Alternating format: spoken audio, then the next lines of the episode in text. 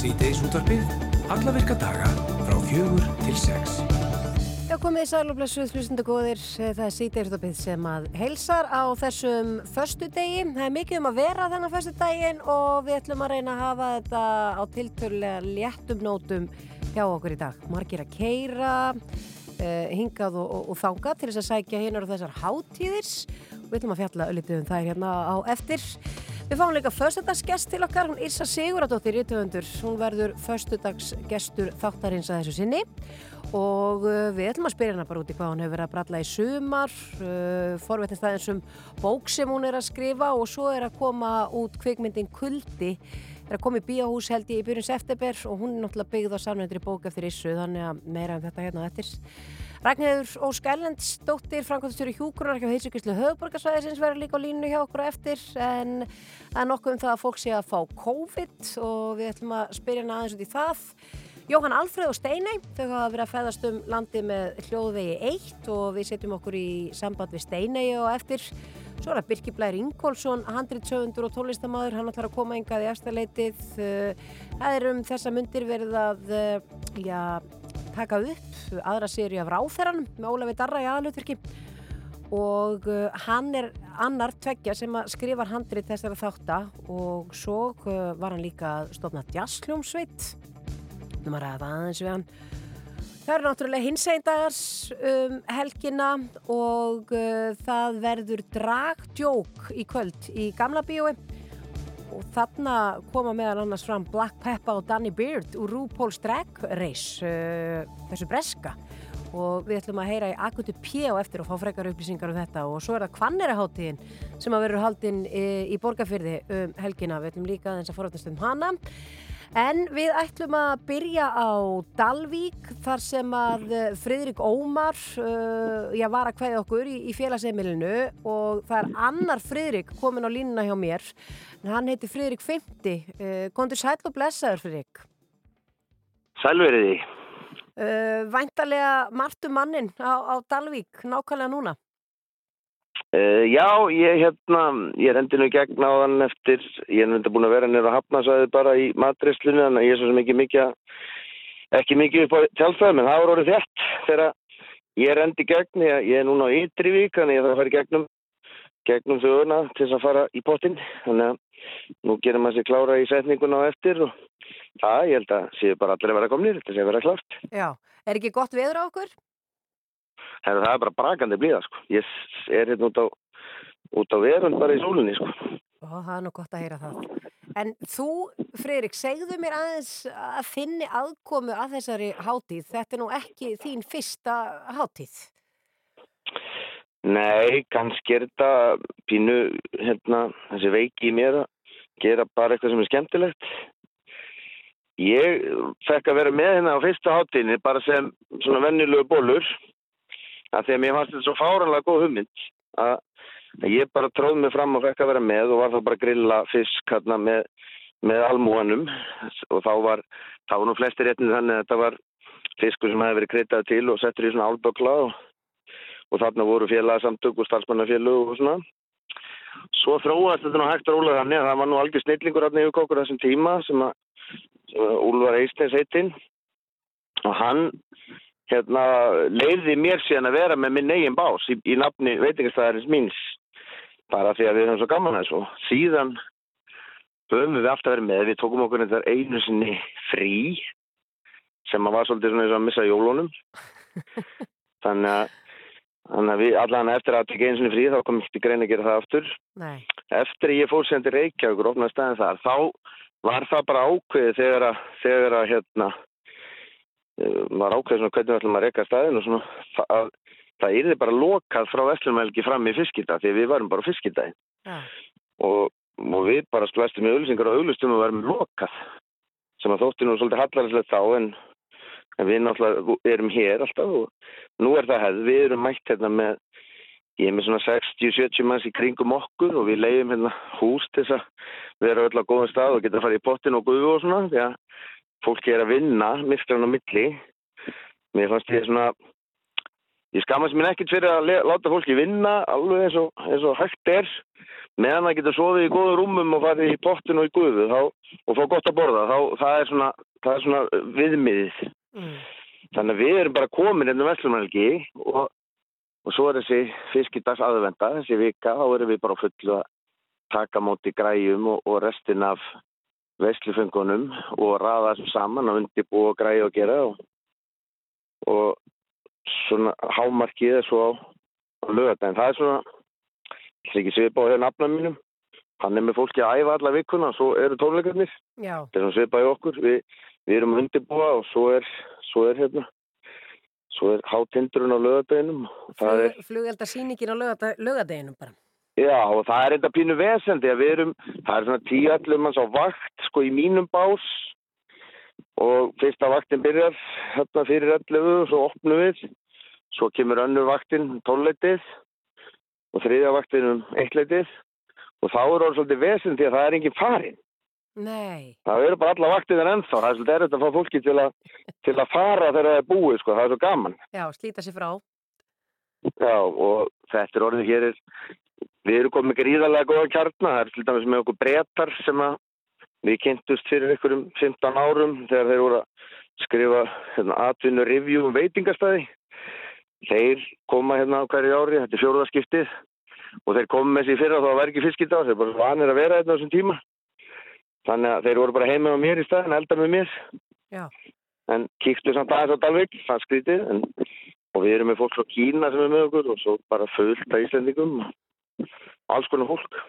Þannig að þetta er og það bara, finnst við að það, þeir sem eru með okkur það, sko, það er eina sem er eða familega það þekkja okkur hjónin. Já, það er mikið fólki sem aldrei sé stáður það er, bara, það er lögfræðingurinn okkar og það er, það er fólk sem við kynntust eitthvað staðar og eitthvað staðar en það er svona límist saman í kringum okkur. Þannig að þetta er eiginlega bara eitthvað sem þú gætir ekki hugsaður að missa af og, og, og já, eins og ég heyri, bara fleiri. Þannig að þetta er bara svona, eru jólin. ég, já, ég held að það sé allan að mín upplið núna hefur maður að hitta alla og tala við stöðastjóruna og þá sem eru með aðra bása við erum bara, þetta er búið erfitt að gera þetta ekki í þrjú ár sko En að er, allir verðar að sakna þess að hittast ekki ertu þá að bjóða upp á alltaf sömu réttina, það eru alltaf nýjungar? Nei, þá kemur nú hin, hin vegi mín í, gagni, það er ekkert gaman að gera eitthvað aftur aftur sko, þannig að við breytum alveg óbáslega mikið til og það, það fyrir svona stundum við töðurökkunum. Við nána, sko, við erum ákveðin grunn, það er ákveðin hluti sem er alltaf, en síðan bætu ykkur við og ef okkur finnst það vel hefna þá notum við það aftur, en við, við breytum alltaf eitthvað eins og, eins og réttin sem við erum með í, í, á grillstöðunum, eins og í álböglunum. Þeir eru aldrei eins tvö orðið röð, við breytum þeim alltaf Mm. og í ár erum við með annars vegar bleikju sem við marinerum upp á, upp á tælensku og það er staffið mitt að skræla 10 kíló engifer og til dæmis, Já, það er nákvæmt vinna. Já, og það er allt fest sko, við erum ekkert, hér er ekkert verið að fara stittri leðinar og svo erum við með þoski með kúrekabönum. Þannig að það er þosku sem við marinerum hann er bakað sem með bökunum bönum í álbökli mm, og svo erum við náttúrulega þessi förstu lið, við erum með fish and chips sem við vorum fyrst með fyrir einhverjum árum á bástum okkar og það var náttúrulega búið að segja ykkur að það væri náttúrulega ekkert hægt að vera með fish and chips í svona stóru partíi og það var náttúrulega til þess að ég varði að gera það. Og síðan bara settum við það í hendunar á atvinnumönnum að það eru, eru strákarnir hérna sem eru með Reykjavík Fish og eiga nokkra fish and chips staði, þeir stýra því verkefni. Og þar eru þeir að steikja tíður skamta fish and chips sem við berum fram í, í fiskidagsblæðinu frá, frá því fyrra sem var fyrir þreymur árum. Og við erum búin að taka það og rúla því upp þannig að þú farið upp rúlað blæð með franskum og, og fiski. Þetta er alveg ekta. og svo erum við, við með sushi þar fáum við atvinnumenn eh, skemmtileg hérna hjón sem eiga fyrirbæri sem heitir Mayo sem er svona atbyrðarapparat og þau eru mjög klárið að gera sushi og þau tókuðu boltanum á okkur. Ég var semst með sushi á mínum bás í fyrsta skipti á tíu ára málnu sem eru þá tíu ár síðan ef við gleymum þessum leiðilegu hann þremur. Og það átti líka að vera alveg vonlaust en það var geggjað og við höfum alltaf haldið því áfram. Svo erum alltaf með fiskborgaran ég bjóti fisk í pilsur fyrir einhverjum árum. Það eru vennu líði en bara á fiskidaginn. Svo alltaf erum við með svona rolsa eins og eins og rúbröðu sem allar heldri húsmaður á Dalvíku svæðinu baka fyrir okkur. Og svo koma þær saman og smyrja, það er voru að klára núna á þann og svo morgun setjum við síldina sem er sérlöðu fyrir okkur á og bjóðum upp á almennlegt heimabakar úbröð með, með síld sem er hverkið fáanlega nema hér. Þetta er svakar eftir þig. Ef það voru einhverju sem ætluði ekki að mæta á fiskidaginn á Dalvík, þá eru þeir lagðir að staðu öruglega núna, þannig að við, við skulum, Og svo, já, halda áfram. og, og svo kemur kannski það fallega við þetta og ég hef ekki til því. Það eru, það eru strákarnir sem að störtuðu svo og Július Júliusson sem er náttúrulega stórundalega maður Og og, og hérna, já, býr yfir því sko að einhvern veginn að sannfæra okkur sem að gera eitthvað svona sem að þetta náttúrulega tæknilega séð mjög vond hugmynd sko. Að ætla til að bjóða einhverju 20-30 manns upp á frían fisk, þú veist, í, í hérna á Dalvik hérna í byrjun hausts. Mm. En þetta er bara eitthvað svo fallegt og það er allir svo með í þessu að hér er sko, og allt frítt, þú veist, hér er ekki foreldrar að ríða upp veskið og þurfa að borga fyrir alls konar tygtúrur eða, eða smáveitingar fyrir börnin sín. Þetta geta bara verið með, það verður ekki dýlt í veskinu á fiskidaginn, sko. Nei, þetta er, eins og þú segir, þetta er falleg hugmynd og við vonum að þetta bara haldist áfram sem lengst. Uh, ég ætla að fara að Já, hleypa þér aftur, Freyrík, að því sem þú ert að gera. Já, við erum að, við erum að fara að setja partíð, sko, ég þarf að fara að drífa mig í það. Þú ert að fara að drífa þér það og hittir kannski Freyrík nafnaðin hann einhver staðar. Hann er öruglega hann á Já, vatnum. öruglega. Ég var enda með bælingu, við ættum kannski að, að slá þessu í hérna almennilegt partí og snúa þessu við og gera svona hinsegin fisk í dag og ég tek tónleikan og hann tekur matinn. Það er spurning hvort við ættum að prófa það. Spurning hvort þetta prófa það kannski á fymtudeginum. Væri það ekki? Já, eða bara heima á mér við tveir, það var kannski væri kannski... Ég er ekki vissum að það væri eins, eins vel hefnað en það má alveg ræða það, sko. Þið takið þetta, Mm. þið ræðið þetta yfir kaffibotla. Takk fyrir, fyrir og, og bara bestu kveðu norður og, og góða skemmtun. Bara takk, takk svo mjög leiðis. Congratulations, you won. You made a fool of everyone. You took your best friends for a ride, and now your parents lost their pride.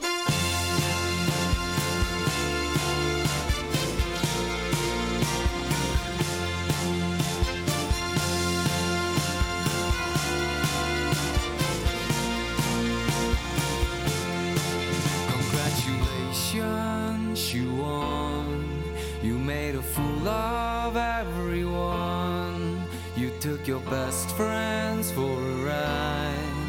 And now your parents lost their pride. You could have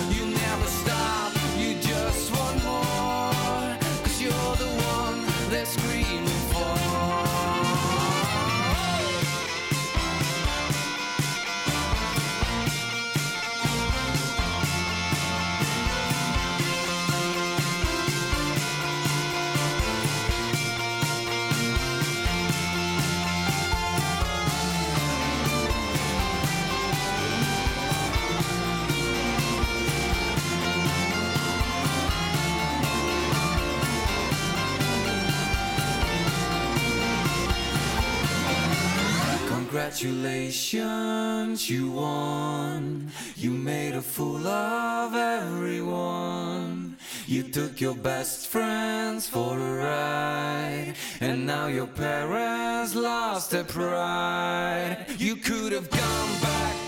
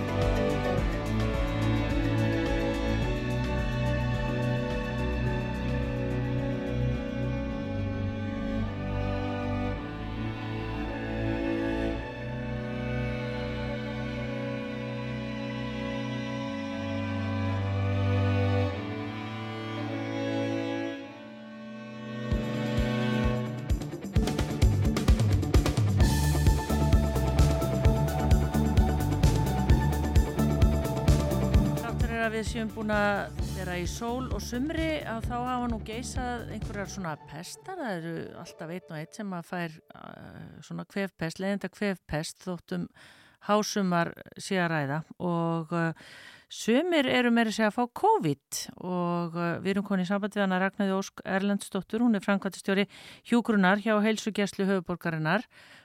Sæl og blessu Ragnæður. Já, hvernig sæl?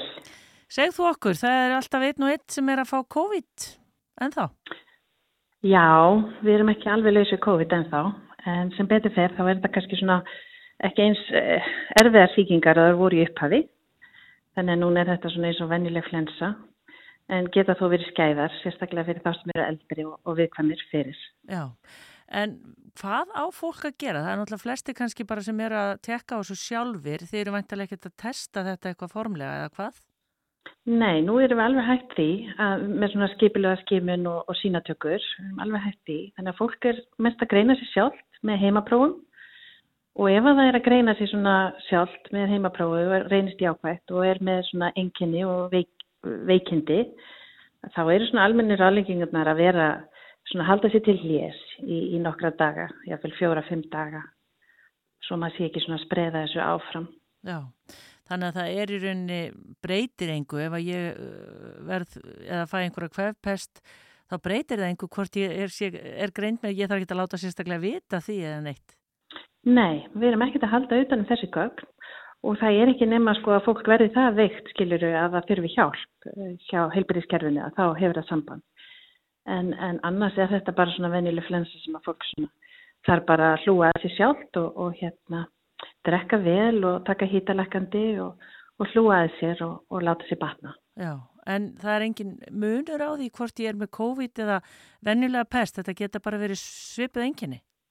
Já, þetta eru alveg sem enginni, þetta er hýti, beinverkir, hústi, hvef enginni jafnvel og, og var náttúrulega líka með eh, COVID-test enginni með bragð og, og líktarskinn, oft fylgdi það COVID sérstaklega, en annars er þetta bara svona hefðbundin influensu enginni sem fólk er að fá. Já. Uh, eru einhverjar ráðstafanir eða eitthvað fyrirhugað svona með haustinu? Er, er, þá eitthvað verið að spája að bólusetja fólk eða allavega þá sem kannski meira þurfa því að halda en aðrir? Já, það er svona verið að horfa til haustins með það að allavega í sumar þá var gerð hlýja á öllum COVID-bólusetningum svona til að, að eiga það inni að eiga þá nýja bólusetningu í, í haust ef að koma einhver skæðari afbreyði eða, eða eitthvað slíkt. Þannig að, að við erum svona, það er ekki búið að ákveða þetta með haustinni, hvort það er verið teknar upp eftir COVID-bólusetningar. En, en þetta er svona mun vantilega skýrast svona með haustinni og, og svona hvernig COVID, svona, já, þessi veira, hvernig hún mun hæða sér áfram. Já, Það vonandi verður þetta áfram bara svona léttveri flensa já. Og, og verður ekkert meir úr þessu. nei, þannig að skila bóðin frá ykkur og bara til okkar allra að ef við erum lasin þá bara förum við valli og höldum okkur til lés. Já, halda sér til lési nokkru daga, láta sér batna, hlúa vel að sér og, og svo bara sjáum við til hvort þetta hverfi ekki bara alveg úr flórinu hjá okkur, vonandi. Einmitt það. Takk kjærlega fyrir þetta, Ragnar Ósk og bara gangi ykkur vel. Já, takk sem leiðis. Bless, bless. Bless.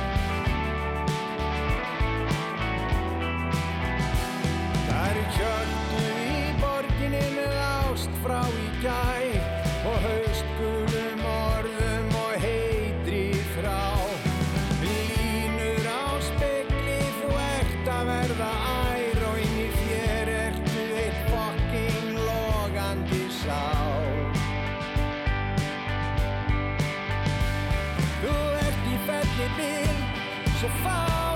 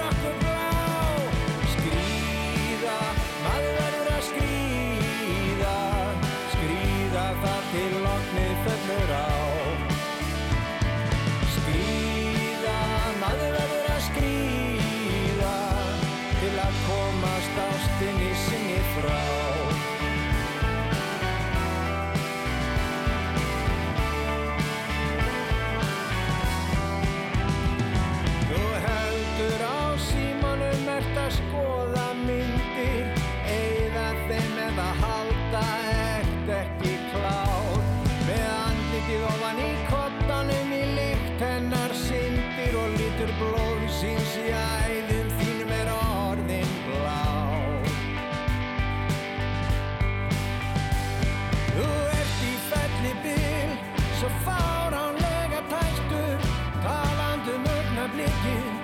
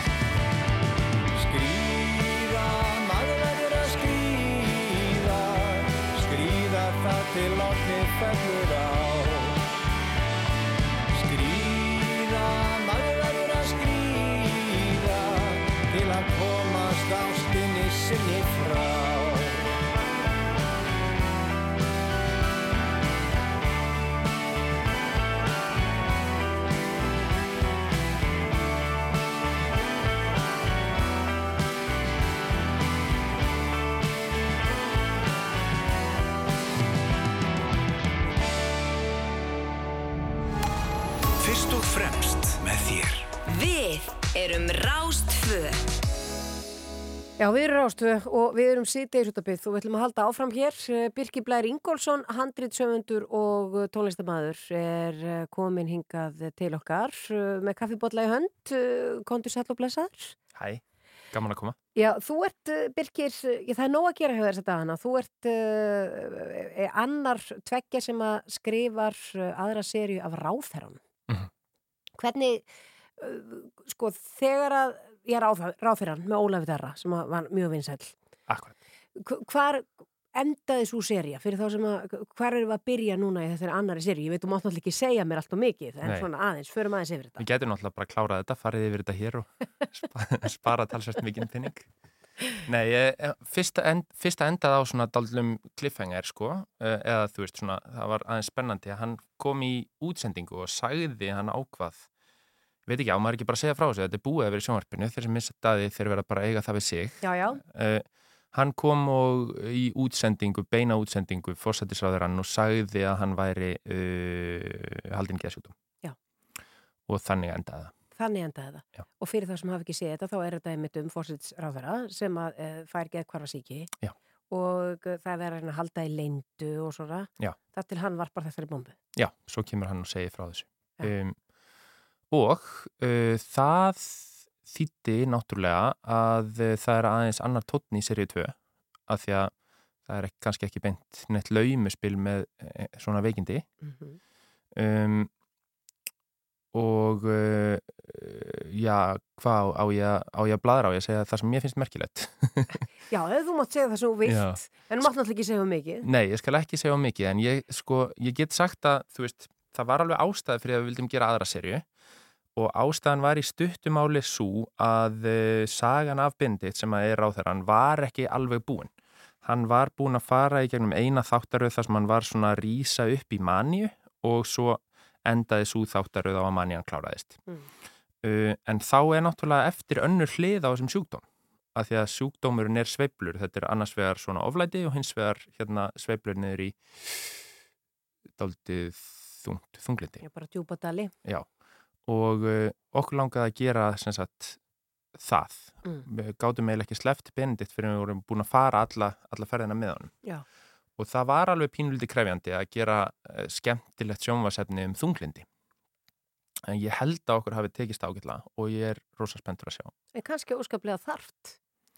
Já, öruglega sko, það er náttúrulega alveg til slatti af, þú veist, það, það, fólk hefur alveg skrifað um, um svona, en jú, ég held að þetta sé kannski hluti af því núna í setni tíður við farin að tala miklu meira um þetta. Og að því leiti potið þarft sko. Mm Síðan uh, það er verið að uh, taka þetta bara upp akkurat núna. Var, var það var byrjað á því núna í lók júli? Það var bara, Þú sem handritsöfundur, þú náttúrulega ert með handritið, ert að fylgjur þessu ekki alla leið? sko, ég er ekkert voðalega mikið á setti. Eh, Það hefur aðeins verið misjátt eftir, eftir verkefnum sem að ég, ég vinn sem sagt rosalega mikið með Jónasi Margeri. Við erum svona góðir í að rífast og vinnum það svona mikið saman. Og við höfum stundum verið á setti bara, alveg.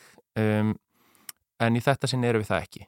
Og uh, þú veist, ég vissum að við gætum alveg verið á setti einhvern veginn að reyna að skipta okkur að og, og hjálpa til og lagfæra og betrumbæta og eitthvað svona en við getum líka alveg bara valið að treysta þessu, þú veist, dundur fólki sem að er ráðið til að gera þetta og við erum svolítið að gera það og reyna að þvælast sem minnst fyrir því. Já. Er, er eitthvað ljóstorðið hvenar þetta verður sí? Einhver tíman heyrði ég að það erði í lók þessa árs en einhver tíman heyrði ég líka að það erði setna þannig að ég er rauninni veit ekkert. Ég er yfirleitt einhvern veginn síðastur til að vita svona hluti. Já, síðastu til að sjá þetta kannski og svona af teiminu og svo vita þetta. Já, jafnvel sko. Já, og þó, ég er svona fæ að taka smá þátt í klippinu. Já. þá uh, sé ég þetta náttúrulega nokkur sinn Að vera handritsöfundur, þetta er krefendi. Þetta er alveg. Þetta getur, maður getur orðið alveg bara svona farið í mikla fílu yfir því hvað gengur illa að, að búa til söguna og eitthvað svona en þetta er líka búið gaman og æðislegt þú veist að, að geta þetta sko Mm. um, og uh, já, mér finnst þetta svona þú veist, mér finnst þetta algjör lúksus og ég er alltaf líka í fílu yfir þessu Þetta er, er hvoru tvekja. Já, Já. maður er bara svona eh, einhvern veginn svona varpast fram og tilbaka í ferlinu.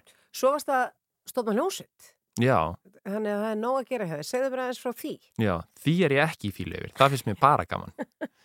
Hérna, við sko, við vorum að gefa lag í dag. Já, Eh, hljómsveit sem að heitir. Hýttu, ég ætla að lefa uh, fólki að heyra aðeins hérna, smá Já. part af þessu hérna. Já.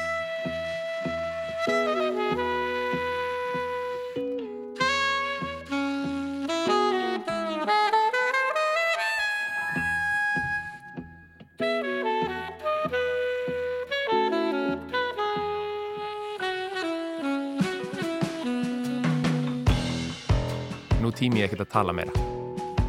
Nú segi ég ekkert meira í þessu viðtali. Ég skil það vel, sko. þetta er, þetta er jazz. Já, þetta er svona instrumental jazz, svona, ég, ég held að þetta sé jazz sko. Já, já, já, jú, jú. Já.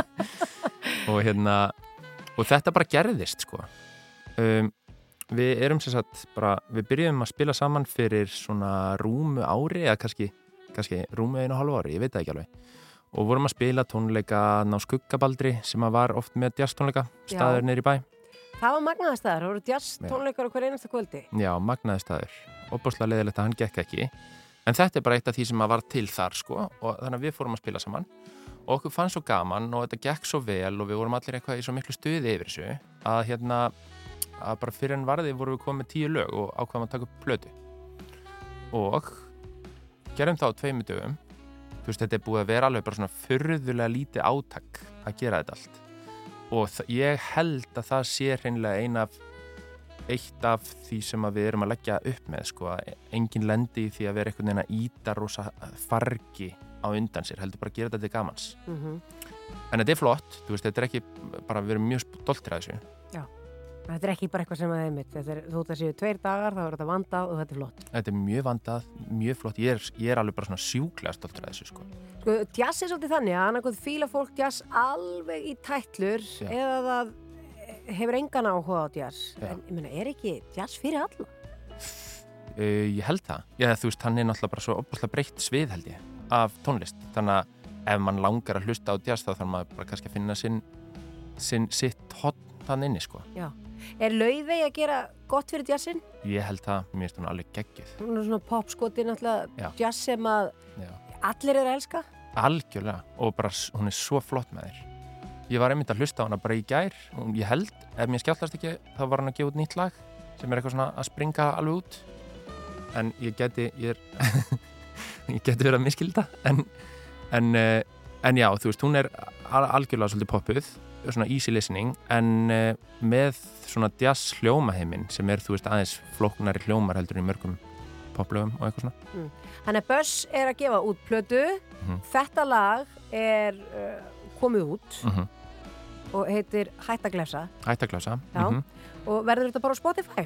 Þetta er á Spotify, Uh -huh. svo ætlum við að gefa út nokkra singla að því að við erum að þykjast frá popband en uh, svo kemur platan út.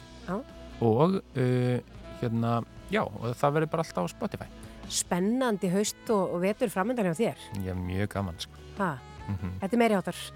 Takk fyrir að koma til mín í Birki Blær og ég ætla að lefa þess að hljóma aðeins meira. Og bara til lukku með, já, lægið og við hlökkum til að horfa ráð þeirra. Já, takk kjalla, ég hlakka líka til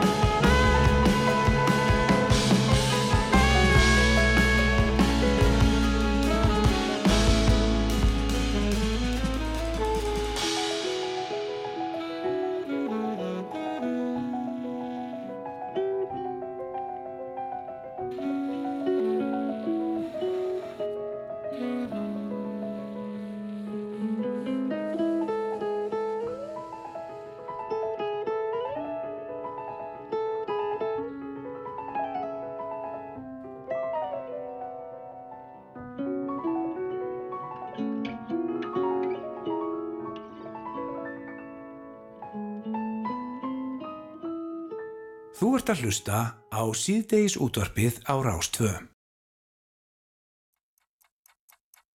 Time goes by so slowly.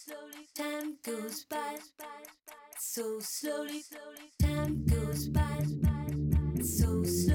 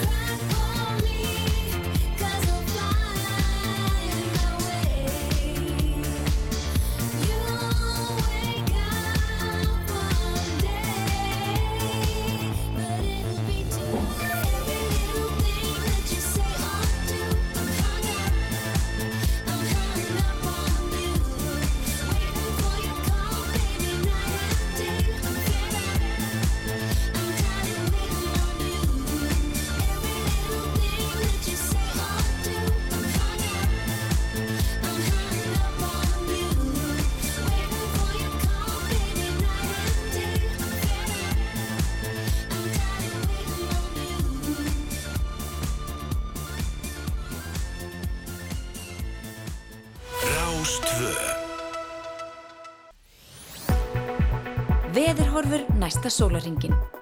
Já, við ætlum að líta aðeins til veðurs. Stór ferðahelgi framöndan og uh, já, mikið um hátíðir. Hins heita náttúrulega hérna í Reykjavík. Því skiptir veðrið alltaf miklu máli. Eins og, já, heila flesta dag, það skiptir okkur Íslandinga bara tölu verið máli. Það er austan 5-13, 13 til 18, siðist fram á kvöld, það er skýja með köplum og þurft að mestu en þokuloftið að súldu norður og austuströndina í nótt, það er norðu-austlægað að breytilega á 3-10 á morgun, skýjað á austaverulandinu og sumstaða stökusúld en bjart með köplum vestan til og hiti 10 til 20 steg og það er hlýjast inn til uh, landsins. Og það er smá aðtöðarsendirna fram á kvöld og búast við snörpum vindkvöðum allra siðist á landinu svo sem í Mýrdal og Öræfum sem að getur verið varasamt fyrir bíla með aftan í vagna eða aukutæki sem að taka á sig uh, mikinn vind Já, geta að hafa þetta í huga. Og ef við lítið aðeins bara á morgundaginn, það er 17 steg að hitta í Reykjavík og sól, 12 steg í Bólingavík og skíjað, 12 steg á Akkurir og skíjað, 8 steg á Egilstöðum og einhver smá úrkoma á 13 steg á Kirkjubæðaklustri. Og svo á sunnudaginn þá er þetta bara mjög fínt um all land, en aðeins fyrir austan getur verið einhver úrkoma og svona ósangjart kuldið þar, þar eru að tala um sjögraðunar, ég er ekki hrifin að því að sjá þessar tölur í kortunum en glansbjart annar staðar og uh, hlýtt. Þetta getur nú alltaf eitthvað eitthva breyst, þannig svolítið þannig. Fara næst yfir í Anna Diljá.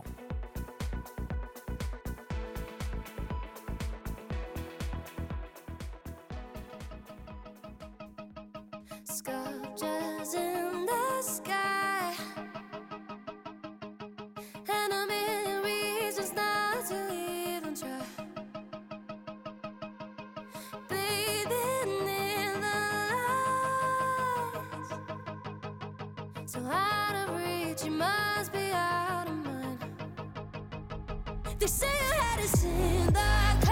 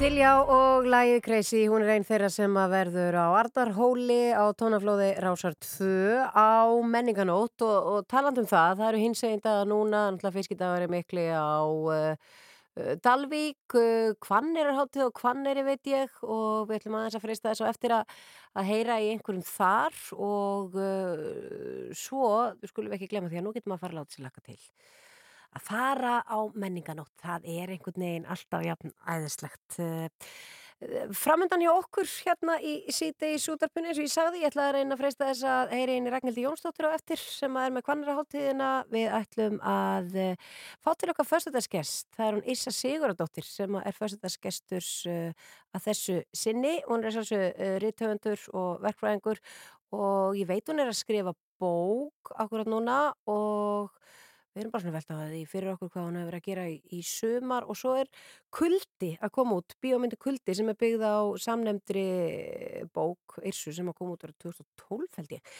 Myndin er allavega að koma í bíóhús núna í byrjun september. Eh, Svo er það Steinei Skúladóttir, eh, hún hefur verið á hljóðvegi eitt um landið á samt Jóhanni Alfreð og við ætlum að heyri henni á eftir og aðtöða hvar hún er stödd og eh, svo er það Agatha P, dragdjók sem við ætlum uh, líka að forvitnast um. Það er einn af þessum fjölmörgu viðburðum sem að eh, eru í gangi á hins einn dögunum og svo er það náttúrulega gleði gangan á morgun. Ég veit ekki með þig en ég býð allavega ofsalega spennt eftir því.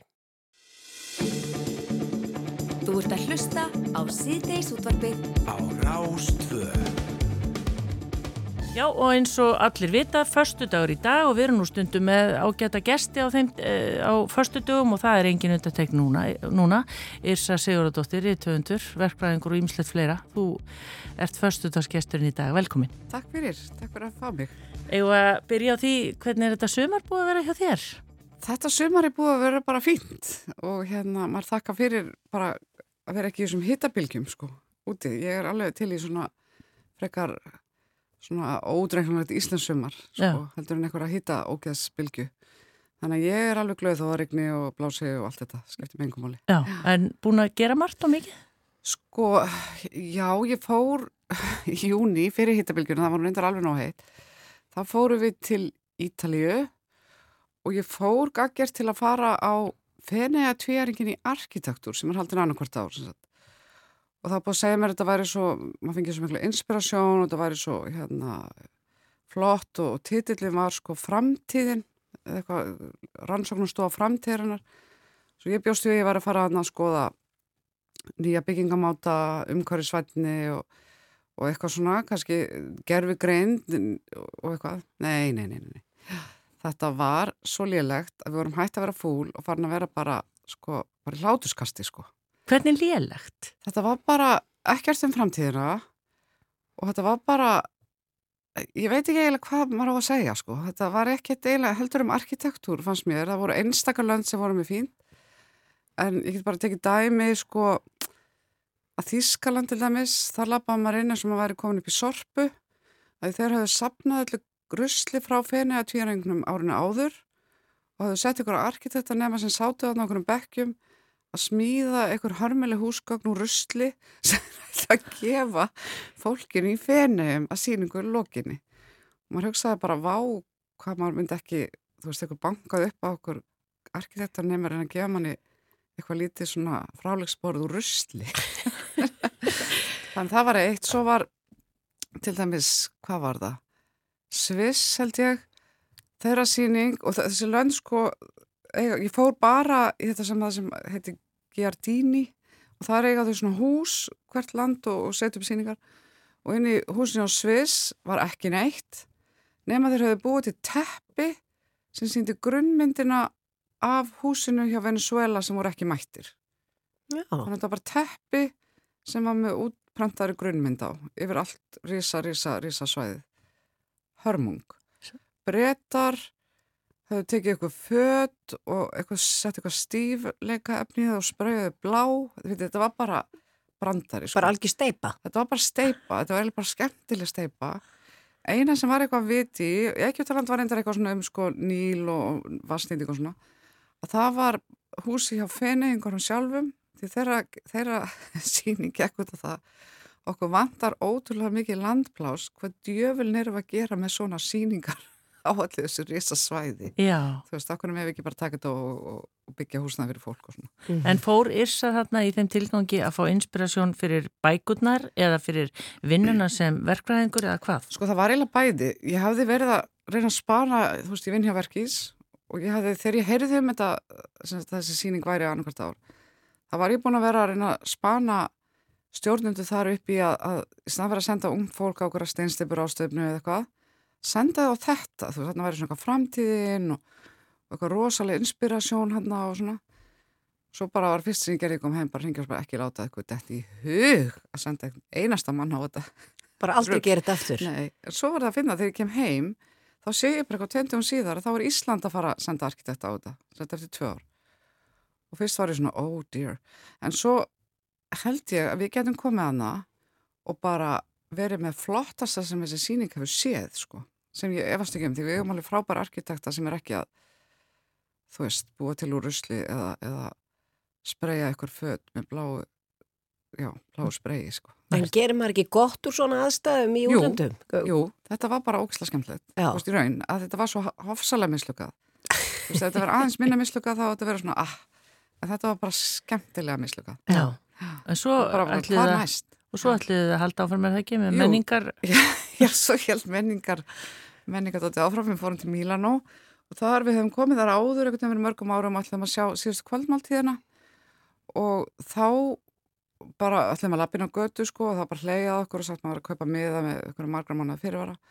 Þannig að ég ætla nú ekki að lendi því og fór á netu og var að kaupa með það og einhvern veginn datt ég inn á einhverja munka sem að eru eiga sko kirkjuna og þetta munkaklustur og, og þetta svo Leonardo da Vinci kvöldmáltíðin síðasta kvöldmáltíðin, hún er inn í mötuneyti sem var áður mötuneyti munkana þannig þeir einhvern veginn eiga þetta og, og, og þetta var eitthvað svo ótrúlega vandræðilega ódýrt fyrir okkur að, að fara þá leið að ég hakaði líka við vildum bæta við, það var þetta að bæta við ykkur fleiru.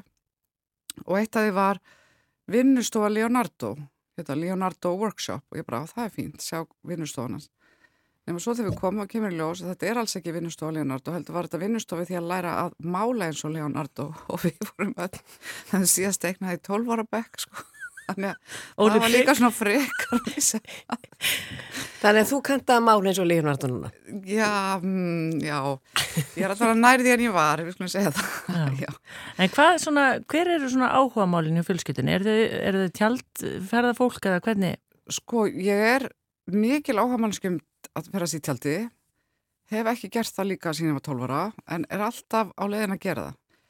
Hefði átt að gera það í COVID, af því mér langar eiginlega ekki að fara á tjaldstæði og vera með fullt á úldingum sem að er að byggja manni, ég veit ekki, að fara með vikinga rópið þarna eða bera fram eigafjalli jökull eða eitthvað sko. Man langar að fara svona gamaldags íslensku útileg. Já. En mér langar í tjald, mér langar ekki í tjaldvagn eða húsbíl eins og mér langar í tjald. Og bara, bara liggja á jörðinni. Já, bara liggja á jörðinni og bara, þú veist, með púkarlegan prímus og Já. það finnst mér heillandi, sko. En, en sumrið svona á Íslandi, hvað eru þau að gera hér heima? Ég er alltaf að skrifa á sömurinn, þannig að það er, jú, svo fyrir við á þjóðatíð, fórum á þjóðatíð núna líka og bara frábært. Já. Og hérna, já. Er það eitthvað sem þú gerir oft eða var Já, það bara við eigum svona? vini í eigum, eða vinkonu. Já. Hérna, Kristín Jónsdóttir sem er hérna með eldfélagsamnið. Kynntist henni, ég var að skrifa ösku og við hefum einhvern veginn bara svona, svolítið einhvern veginn runnið inn í hennar vinuhóp sem mætir alltaf hana til að vera á þjóðhættíð og, og svona. Og það er hægt að manns aldrei, sko, ef maður þekkir eitthvað sem á kvíttjald. Já, einmitt. Þannig að þá er þetta ekkert mál, sko. Ég, ég veit ekki hvað ég myndi gera þannig ef ég var ekki, hefði ekki aðgang svona inn í kvíttjald. Já. Orginal, svolítið. Já, og þá getur maður setið og svona. Það er hlýtt. Það hlýtt Og er og- matur og alls konar. Já, og góð stemning, alltaf einhver með gítar. Já, þetta er bara, þetta er eitthvað bara sem að, þú veist, og, og dóttur okkar kemur með og barnabandin kemur með og þetta er bara alveg rosalega gaman, sko. Já. En, en þú sagðist þér að skrifa á sumrin. Ertu þá að nýta sumafríið þetta jafnvel í að uh, skrifa mikið? Ég, ég skrifa mikið að því ég er bara, þú veist, trassi og byrja alltaf seint, sko. Þannig að ég myndi við- óska þess að ég var í búin og geti átt sumari bara sem ég... Þá kemur pressan. Já, ég vinn einhvern veginn bara, virðist vera bara undir pressu, það er bara... Er það þá bók sem þú þarf að skila fyrir jólinn? Svo leiðis? Já, já, já. September, var það ekki eða hvað? Ég var að tala við útgefndum hann áður var eitthvað að reyna að krýja það fram í nóvember en hann sagði oktober. Þannig að ég skil henni í oktober. Já. Og til að skrifa hana sko, þá hérna talandi Vestmanniðar, að þá hérna því hún gerist að hluta til um borði í loðnuveðskipi, að þá fengu ég og maðurinn minn að fara loðnuveðitúr, núna held ég, held að vera í februar eða mars, allavega ekki mars, frá, með skipi frá, frá Vestmanniðum, það var þannig skipstur Jónalli sem að leiða okkur að koma með. Þannig að það var, það frábært. Það Hvernig, er- hvernig var svo upplifun? Hvað er það langur tór? Og... Þetta voru tvær nætur held ég. Ef við gistum endur um borði í skipinu áður en við fórum að stað en, en já, en það var svona þrý dagar og þetta var bara algjörlega frábært. Þetta er svo frábært að bara, vá. já. Ekki sjóveik? Nei, nei, nei, nei. Nei. Ég, sko, pappa ættar öll sko, hérna miklu sjóminn, þannig að það er ekki að sjóminn. Og þetta ertu- Góð, góð gen í það. Ertu þá að gera þetta til þess að vita bara hvernig loðnum við að fara fram þannig að þetta Já. virki allt saman óskaplega, já þannig að þú getur sett inn í þennan veruleika fyrir bókina. Já, og geta skrifað um þetta af einhverju, sko, þú veist, þó maður getur googlað og skoðað alls konar á netinu, að þá er það bara ekki alveg að sama að vera á staðnum. Þannig að þetta var algjörlega frábært og ég hitt hann í mitt hann í eigum og að segja hann, sko, ég veinu svona æfinni farið að um bara í skemmtverðarskip og ég skil alveg fólk sem finnst það frábært. En ég fór til að geta skrifað þeim mitt, var með dótti mína og, og hérna frænkana sem var að passa hana, þurfti að skrifa og þurfti að vera eitthvað þar í fríi en vildi vera með þær sko nálægt mér, þannig að ég ekki vera ágjörðið að vera tíndar á okkur strönd og svona. Fór í Disney skemmt að vera skip með þær og það var hörmung. Það var bara hörmung. Þannig Þetta það er bara Voru þær ekki tíndar svolítið þar eða? Þær voru alveg glæðar sko, þannig séð, nema svo sem var að passa hún örður sem er núna orðin fullorðin og læknir og svona, hún, hann langaði svo að komast í veitir, við vorum komið til Amríku og Flórida og erum allt í nokkur skipi. Og það er bara þannig að með þessi skemmtverðarskip sko, það er allt um borð minna og lélæra enn í landi bara út af það er þið veitir Já. þannig að þetta var, og þetta gekk allt út á að borða okkur hlaðborð og borða og hlaðborð og þetta var bara ekki fyrir mig þannig að ég, hérna nú, na, sko, þetta var allt í bók, þetta eru misöfnuðu hérna, fríin, ef að þetta er að telja þetta frí, hennar yrsu. Já, ég, ég á, á, á Það væri, væri ekki hægt að hafa einhverjum svona, það ætla morsögu um borð í Disney skemmtiverðarskipi. Jú, svo var þetta all, allir sko, þú veist þegar maður kom um borð það var svona mikju og mína mús svona búningar eitthvað, æ, ég veit þetta var bara Þetta er Jú, svo- það væri daldið gott, jú það Já. eiginlega daldið gott að því þeir sem hafa komið í Disney World, það er fínt að fara í smá stund en að vera fastur um borð í skipi og þetta er kannski sí endur tekið Já, einhverja daga. Ég- Mér finnst þú mjög hugrökk. Já, þetta var, já en svo var líka eitt í þessu Disney-skipi sko, að hérna, þetta voru alltaf fullt af einhvern Disney búðum að inni og þær voru með sko, herbyggisleiknandi gildu eins og kreditkort í Disney búðunum og dótti mín er kannski sjö ára eða átt ára og hún hérna, svo átt að vera eitthvað svona uh, Pirates of the Caribbean hvað heitir þeirra á íslensku? Uh, Það með Johnny Depp. uh, Já, já. þetta ekki bara karabísku sjónarningarnir eða Ja, þetta var alltaf bara Pirates of the Caribbean. Já. það var ekkert verið að íslenska það íslenska mikið. Nei, en það átti að vera svoleiði skrýmubál um kvöldið. Og ég sendi þar að ég er að skrifa með liklana að fara að kaupa sér grímumbúningan eina af þessum búðum og þær komandi tilbaka og, og urður með eitthvað hatt þarna og eitthvað aðeins. Kristín Sóldóttir mín, hún hafði kefð sér of the Caribbean demantsring sem kostaði meira þegar við erum all ferðin. Og ég alveg bara tók hann af henni, bara fór í bóðan bara hvernig dettur ykkur í hug að selja sjö ára badni eitthvað demantsring sem grímubúning þannig ég fekk að skil hún Vá, þetta, þetta, er bara, bara martruð. Já, þetta var eiginlega martur já, þetta var svolítið þannig Já, hérna. en skemmtilegt svona eftir á kannski, já, já, sem Já. er oft með svona mislukað, það er gaman eftir á Yrsa, það er auðvitað bara styttist í frumsýningu á kulda. Guð, já, ég er svo spennt Ég sá bara, ég var í bíóðan daginn og þá sá ég bara stiklu fyrsta september. Já, einmitt, gott að vera að tala um eitthvað svona mislukað og tala um eitthvað frábært sem er ofsalega vel lukað Já. Því ég held að myndin sé meiri hátar Já. Hva, bara förum aðeins yfir bækunnaðinnar, hvar er hún í röðinni? Manstu það? Hún er Er hún í eldri? 8-9, Já. eitthvað svo leis Já. Já, af fullonins þá er hún svona 8-9 Já. Já. Og sögursviðið? Sögusviðið er, sko þetta er þegar verið er að taka hérna, á þessum tíma var verið að rannsaka svona, eh, hvað þessu hétu þessu upptökuheimili, það sem var að senda börn sko hérna Breiðavík og þetta, þá var, að- var ríkið að rannsaka þau og þetta er, hjá mér er þetta sko tilbúið upptökuheimili og maður sem er fengið til að rannsaka þá svo kemur svona ímislegt í ljós í fortíðinu og, og sem tengist svona hans persónlega lífi. Já. Erlingur Tórótsson er leikstjóri. já, já. En hvernig er til dæmis bara samvinnan við þig sem átt söguna? Ég er sko, það er, það er hægt að gera þetta á alla kanta og, og höfundar sem er vilja vera hérna með í, í svona allan handrits hlutanum. Ég hef litið þetta á þetta þannig og, og sagt það áður að, fyrir mér, ef maður sé svona hallarislega sko, ef bókir er badni mitt, þá er bíómyndin badnabadni mitt.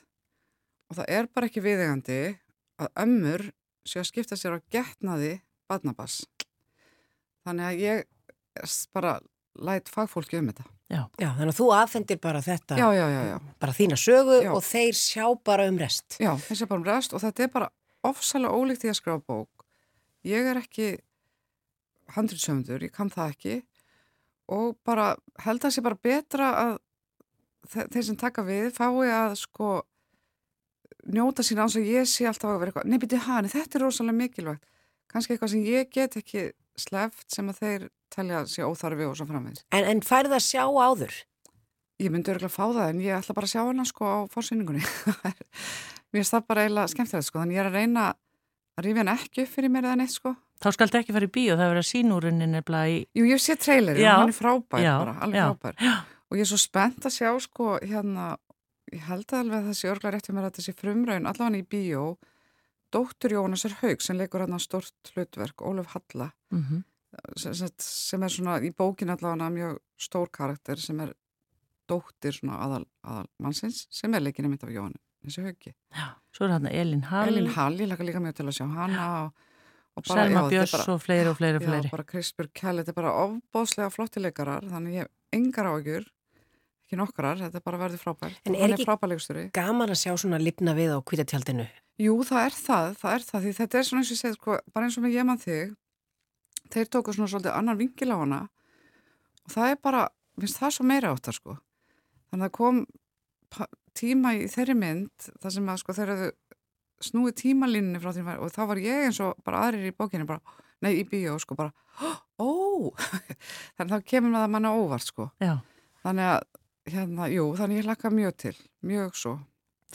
Frábært, þá segjum við bara goða skemmtun í bíó. Fyrsta september verður hún sínd og við vantilega munum öll flikkjast í bíó. Takk fyrir að vera förstaskjast í okkur Ísa. Hafðu það gott, sumar er ekki búið. Ekki nærða að fara í tjald. Ef það er, væri ramagn, já. Já, þá getur það. Já. En þú ætla vantilega að skrifa um helgina? Ég er að skrifa alla daga Já. fram í oktober ekkert mann. Já, já, við njótu góðs að því þegar við förum að, farum í jólabókaflóðið. Já, ég vona það. Ég vona, já, takk fyrir. Takk. Fyrst og fremst Rástvö Þetta er Rástfö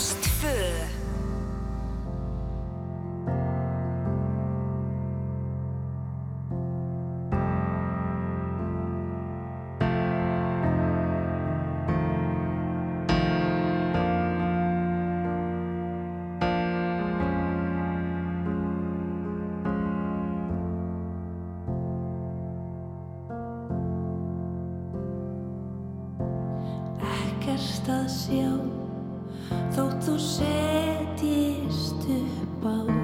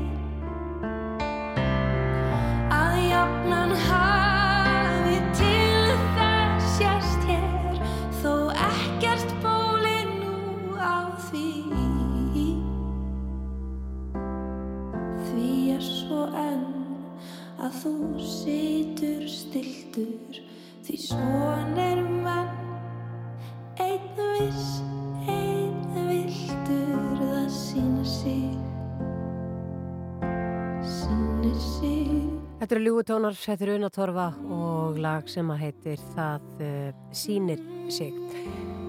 En Jóhann Alfreð og uh, Steinei hafa ferðast um landið í, í sumar með hljófið eitt og ég er komin í, í samband við hana Steinei. Steinei minn, hvað ertu stödd? Herri, ég er stödd á Leirunesti uh, á Akureyri. Ah. Er að taka svona gott stopp áður en ég keiri yfir á Dalvík á fiskidaginn mikla. Já. Er að fara þangað í fyrsta skipti. Ég er aldrei spennt, sko. Ertu búin að fá þér uh, pilsu með frönskum á leirunni eða þá hambúrgara með frönskum á milli? Heyrðu, nei, en ég var einmitt að pæla í þessu. Ég hef heyrt um þetta, hvað heitir þetta ekki, gelgja eða eitthvað svoleiðis. Ég veit Uh, ekki. Er Eh? Ég er ekki búin að, já, ég hef heyrt það, það sé eitthvað svona sem heitir gelgja, sko, sískinni mín þau borða þetta og ég, þú veist, ég er ekki einu svona vissum hvort þetta kallist, með kalla þetta mat, sko. Já. En það er einmitt þetta franskar pilsa og sko ostur og hambúrg, eða ekki eitthvað koktelsós, ég, ég þarf að finna út þessu, sko. Þú getur fengið Ég sko djúbstekta, þeir eru með djúbstekta pilsu með ost og krytti og, og frönskum. Jú, jú, þetta er, Nei, þetta er til. oj, oj, oj. Ha. Ó, hvað mig góður. Og Þetta, ég, ég held, þetta hljómar ekki vel. meiri segja að, ég held það ekkert, ég veit að hambúrgari með frönskunum og milli er kallaður akkurýringur. Ok, heyrðu. Já, já. Þá er náttúrulega bara skilda að ég fá mér þetta. En þú ert á leiðinni sem sagt á uh, fiskidaginn. Já, fiskidagi mikil sem verið að halda í fyrsta skipti bara síðan, hvað fyrir fjórum árum eða eitthvað, bara síðan 2019. Þannig að það er daldi spennandi og mér skilst að ég bara tjald öllu til og ég var einmitt að skoða að þú veist dagskrána og þetta er alveg bara, þetta er rosa prógram sko. Ég verði alveg bara í fullu fangi að- að að gera þessu skil á morgun á hljóðveginum. En, uh, en það er alveg bara einmitt, fullt af einhverjum tónleikum og alls konar eitthvað skemmtilegt fyrir krakkana og svo er þú veist það björgunarsveitin er að fara að bjarga einhverjum eða svona sína hvernig er verið að bjarga og það er einhver að fara að skera einhvern hákarl og það er verið að fara að hérna, einhverja listasýningar og ég veit ekki hvað og hvað sko. Þannig að ég ætla alltaf að, að gefa, að, gefa fólki sem kannski kemst ekki á Dalvík á morgun smá einsinn í það. Já, það hljóma vel, en ert að fara til Dalvíkur í kvöld að fá þig fiskisúpu eða verður á Akureyri í kvöld og bruna svo bara á morgun? Sko, ég, einmitt, ég ætlaði bara að fara á morgun en svo var, ég, ég var eiginlega bara svona skömmu. Það er bara, sko, aðalmáli við fiskidagi mikla, það er fiskisúpu kvöldið á föstudeginum. Þannig að ég er að fara bara að drífa mig uh, norður á Dalvík. Þannig að ég, ég ætla nú ekki að, ég ætla ekki að láta það fram hjá mig fara, þessi fiskisúpu. Þetta fiskisúpu, sko. Ég er samt með skjálfiskóþal, þannig ég er svona smá stressuð að hérna sé kannski skjálfiskur í einhverjum súpunum en ég ætla að gera, reyna að gefa þessu góð skil. Já, einhvern séns, þú ætlar að gefa þessu séns. En veistu eitthvað hver er að koma fram þarna á morgun ég, á, á tónleikunum? Nei, það er nefnilega, nei, bara Friðrik Ómar, hann er að koma fram og ég var einmitt eitthvað svona að reyna inn eitthvað, já, já, hvað er einhver sem maður má, vi- má vita og hann sagði, nei, það er algjört lindamál, þetta er bara, það er alltaf svona óvænt og svona óvæntir gestir, svona Já. leinigestir. Það er leyndi við því hverjir stíg á sviðið, þetta risastóra Mhm. svið og, og við fáum ekkert að vita neitt um það, þannig að þú býður bara spennt að sjá það. Ég býð spennt og einmitt, ég bara sé myndir af þessu og það er alltaf alveg bara rosalegt magna fólki, þannig að ég er, já, ég er bara hlakka til að fá að upplefa þetta. En hvernig er pollurinn núna? Er, er lokn á pollinum eða er, er gott veður? Það er, það er sklampandi sól, það er smá góla, ég viðkynni það, það er norðanátt hérna. Um, þannig að hann, hann er smá kaldur en, en maður er bara í góðri peysu og þá er maður góður sko. Og hérna, og einmitt að maður finnur skjól þá er alveg vel hægt að tana hérna á, á Akureyri. En þú kannski sleppir því núna að fá þér eina djúpsetta með öllu eða þá akkurreining því þú ætlar að, eins og þú segir, bruna beint á Dalvík og þar eru mörg heimahúsin að bjóða upp á súpu þannig að maður getur fengið sér súpu á meira en einu stað þannig að þú þarft að hafa eitthvað pláss. Já, algjörlega. Það er bara 100% planið. Ég, eins og líka ég segi, ég veit ekki hvort að þetta, þetta gelgjudæmi, þannig að pulsur stjúbstekta, hvort að það teljist sem matur. Þannig að ég veit ekki hvort ég muni fá mér það. En fyrir þá sem að ekki vita hvenar verður í loftinu morgun að, gefa fólki, já það finnir hreinlega bara fiskilikt í gegnum útastækin. Við byrjum, við þjóttum að stað klukkan 20 minnur eitt eftir hátíðisfréttur á morgun og erum til fjögur í loftinu. Hljóma og, uh, og þá ætla, einmitt, þá verður þessu gerð, gerð skil, þessi, þessi súpu dagskrá, sko. Já, þetta hljóma vel og er spennandi. Takk fyrir að- koma aðeins inn til okkar hérna í, í síðdegisútuminu, Steini mín. Ég ætla að fara að hleypa þér að stað. Já, bara mínir ánægin. Bless, bless. Takk, takk, bye.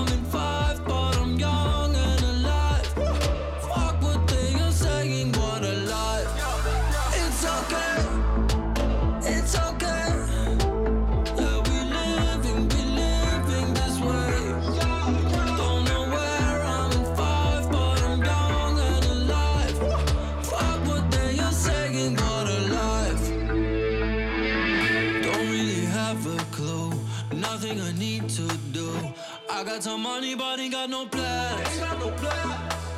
It's making me paranoid to float like an asteroid. How long before I go insane? Don't really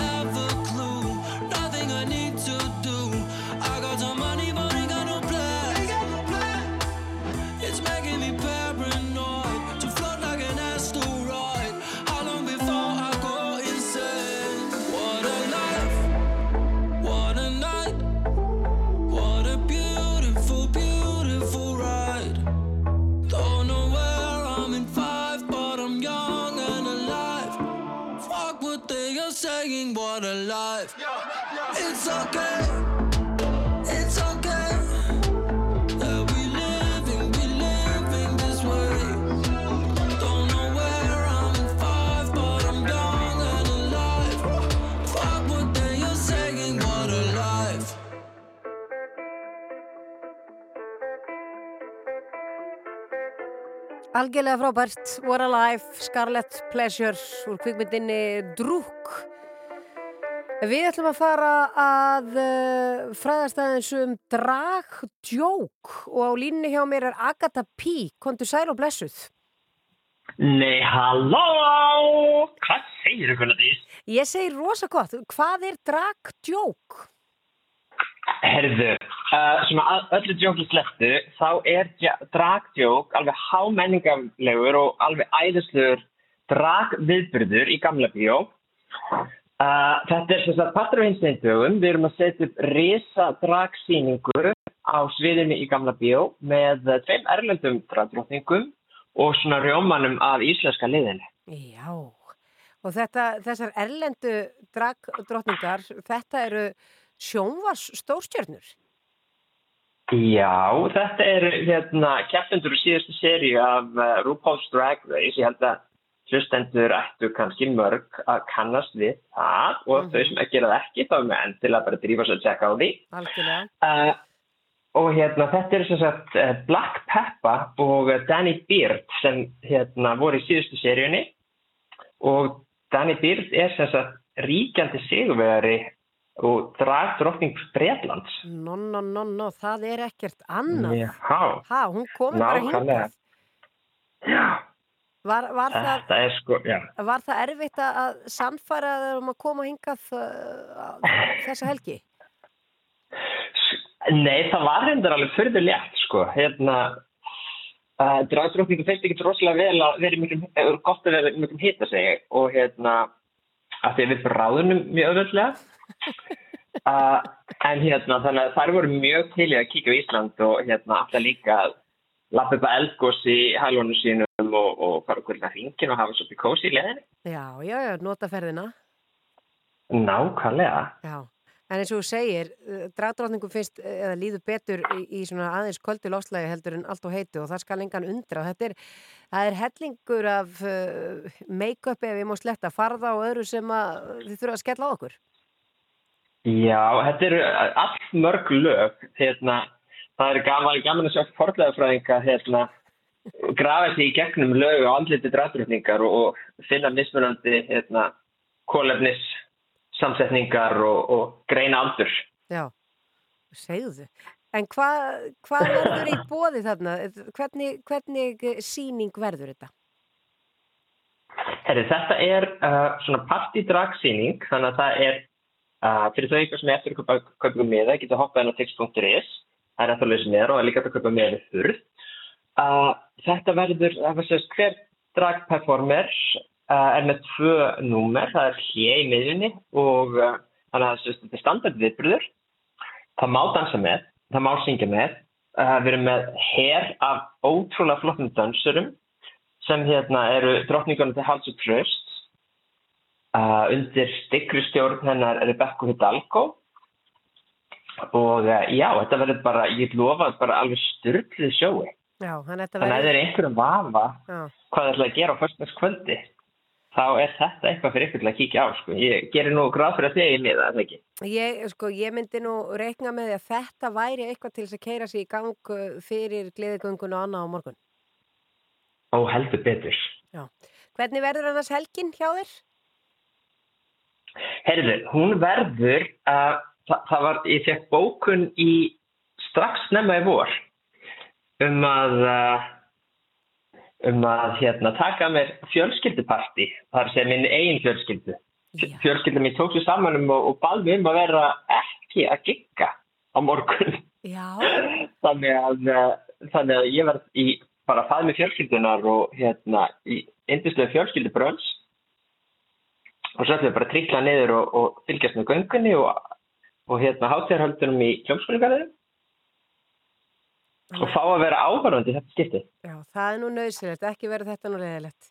En það er sagt uh, dragdjók í kvöld í Gamla bíói klukkan 19, hægt að skoða þetta inn á hinsegindaga.is og, og líka bara tjekka á tix.is.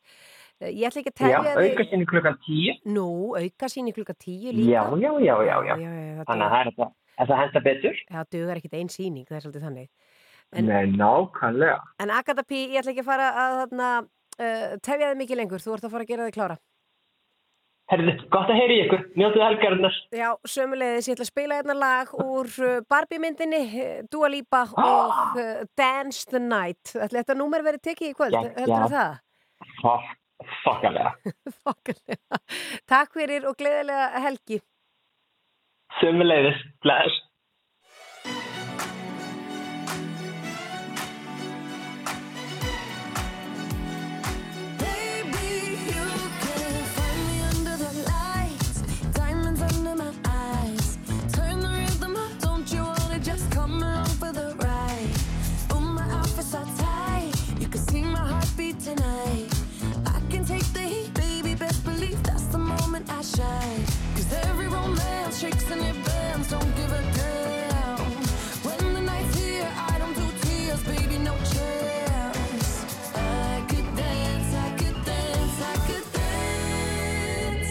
Watch me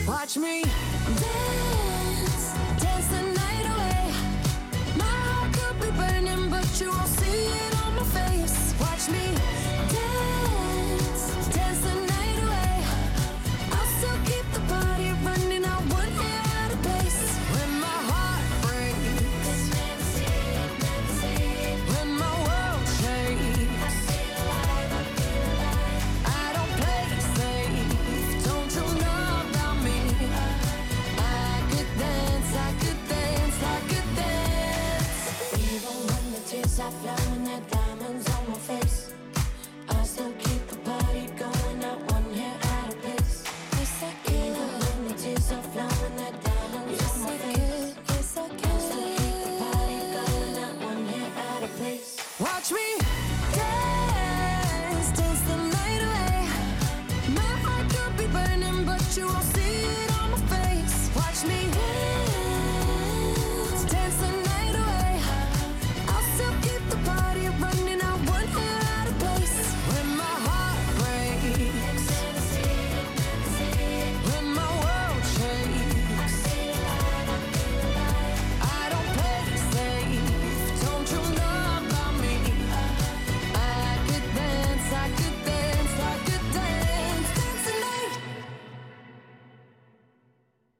Síðdegis útvarpið.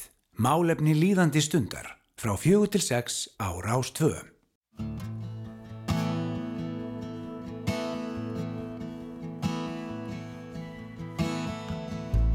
Take me out into the chaos Waiting up for the Leos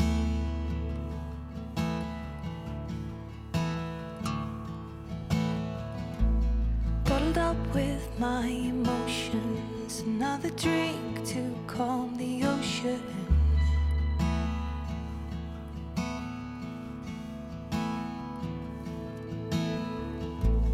Breathing out so I can breathe you in. You could be.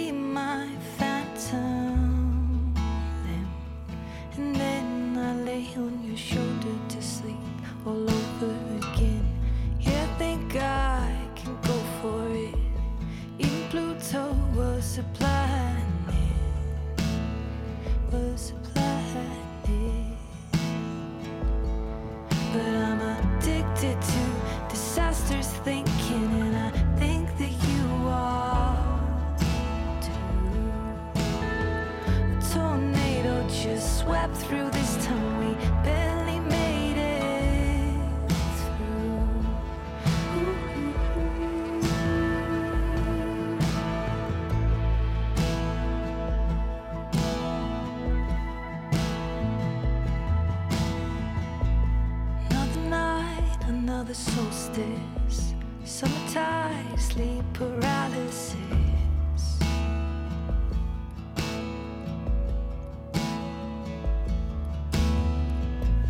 There's a glitch that I cannot seem to fix. Back again where I started the trip, where I started to trip. Cause I'm addicted to disastrous things.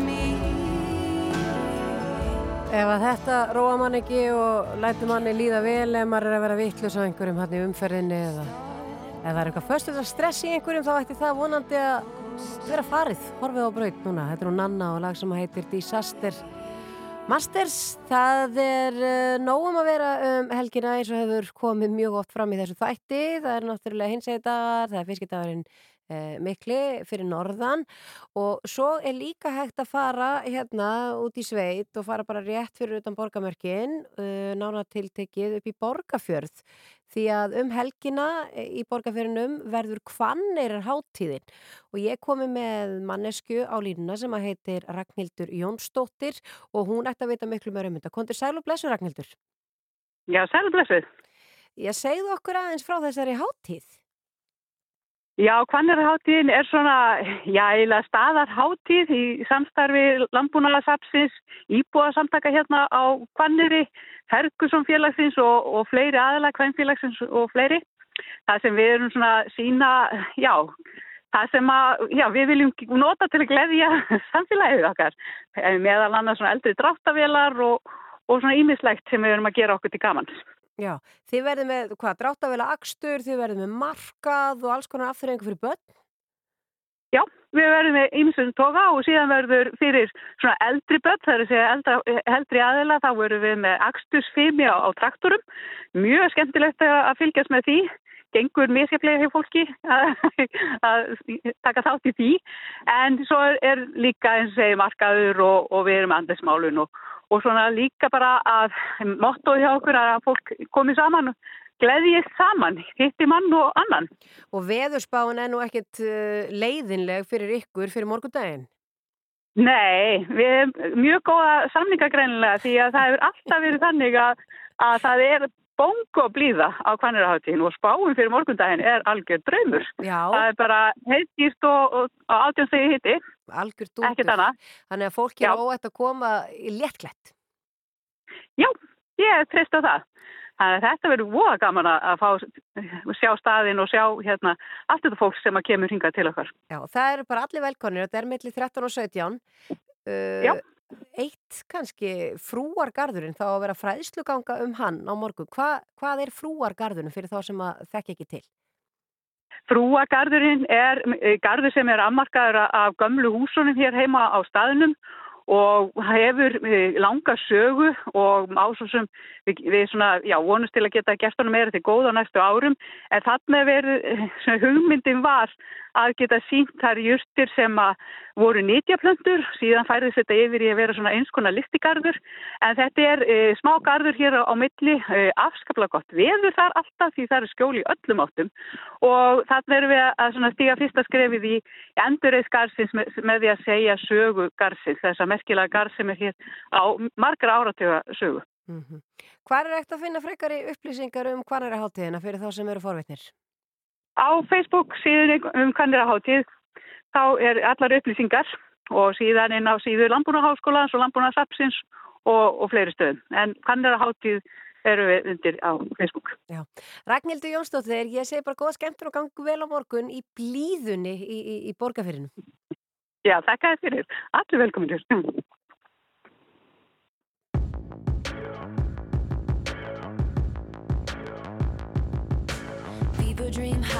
Quiet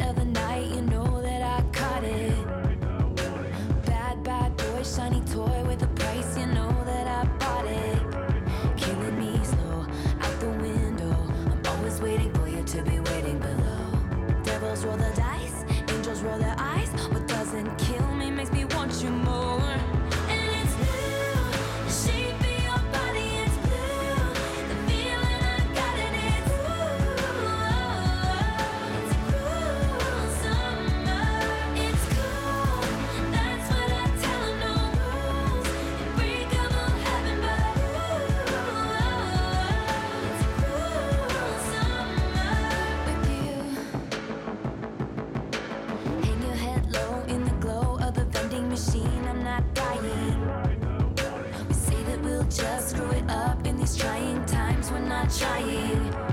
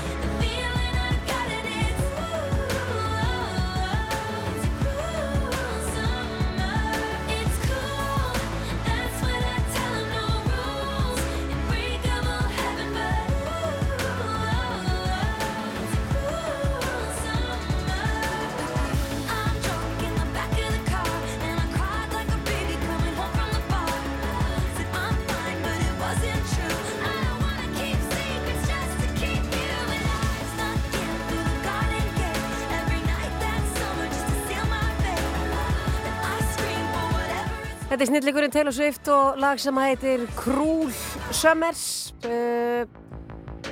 Uh, að nógum að vera í íþróttunum í kvöld, Víkingur og Breiðablík er að mætast í úrslutaleik mjölkubikarsins í, kvöld á lögat, í lögadalnum, á lögadarsvellinum, þannig að það fer mjölkubikar á loft í kvöld og nú er bara að sjá hvort liðið uh, sigrar. Og eftir að við rættum við Helgu Margretti Höskustóttir í gerð þá verður þetta hörku spennandi rimma og úrslutaleikurinn hann byrja klukkan 19 en bein útsetting og uppbytun fyrir leikin hefst klukkan 18.20 uh, hér á Rúf 2 og svo er náttúrulega HM Kvenna í knaspinu þar sem að er allt að gerast. Það var leikur klukkan 1 síðastlega rótt þar sem að Spánverjar og Hollendingar keftu og þar voru það Spánverjar sem að slóu Holland út, það var sendi í gerkvöldi eftir framlengingu og svo kannski óvænt úslit því að Svíþjóð vann Japan uh, 2-1 í áttalega úslitum háum hvenna í, í fótbolta í morgun og Svíjar munu því mæta Spáni í undanúslitum og svo er það í fyrramálið þá er uh, náttúrulega tveir hörkuleikir. Það er annars vegar klukkan 7, þá er Ástralía og Frakland að keppa og svo England og Kolumbía klukkan 10.30 og þetta er nú svona alveg, þetta er skaplegu tími, það er alveg að rífa sig upp og, og, og, og horfa á þetta. En síðan eins og þetta það verður ekki mikið lengra að þessu sinni, verðum hér að sjálfsögðu á sama tíma á mánudaginn.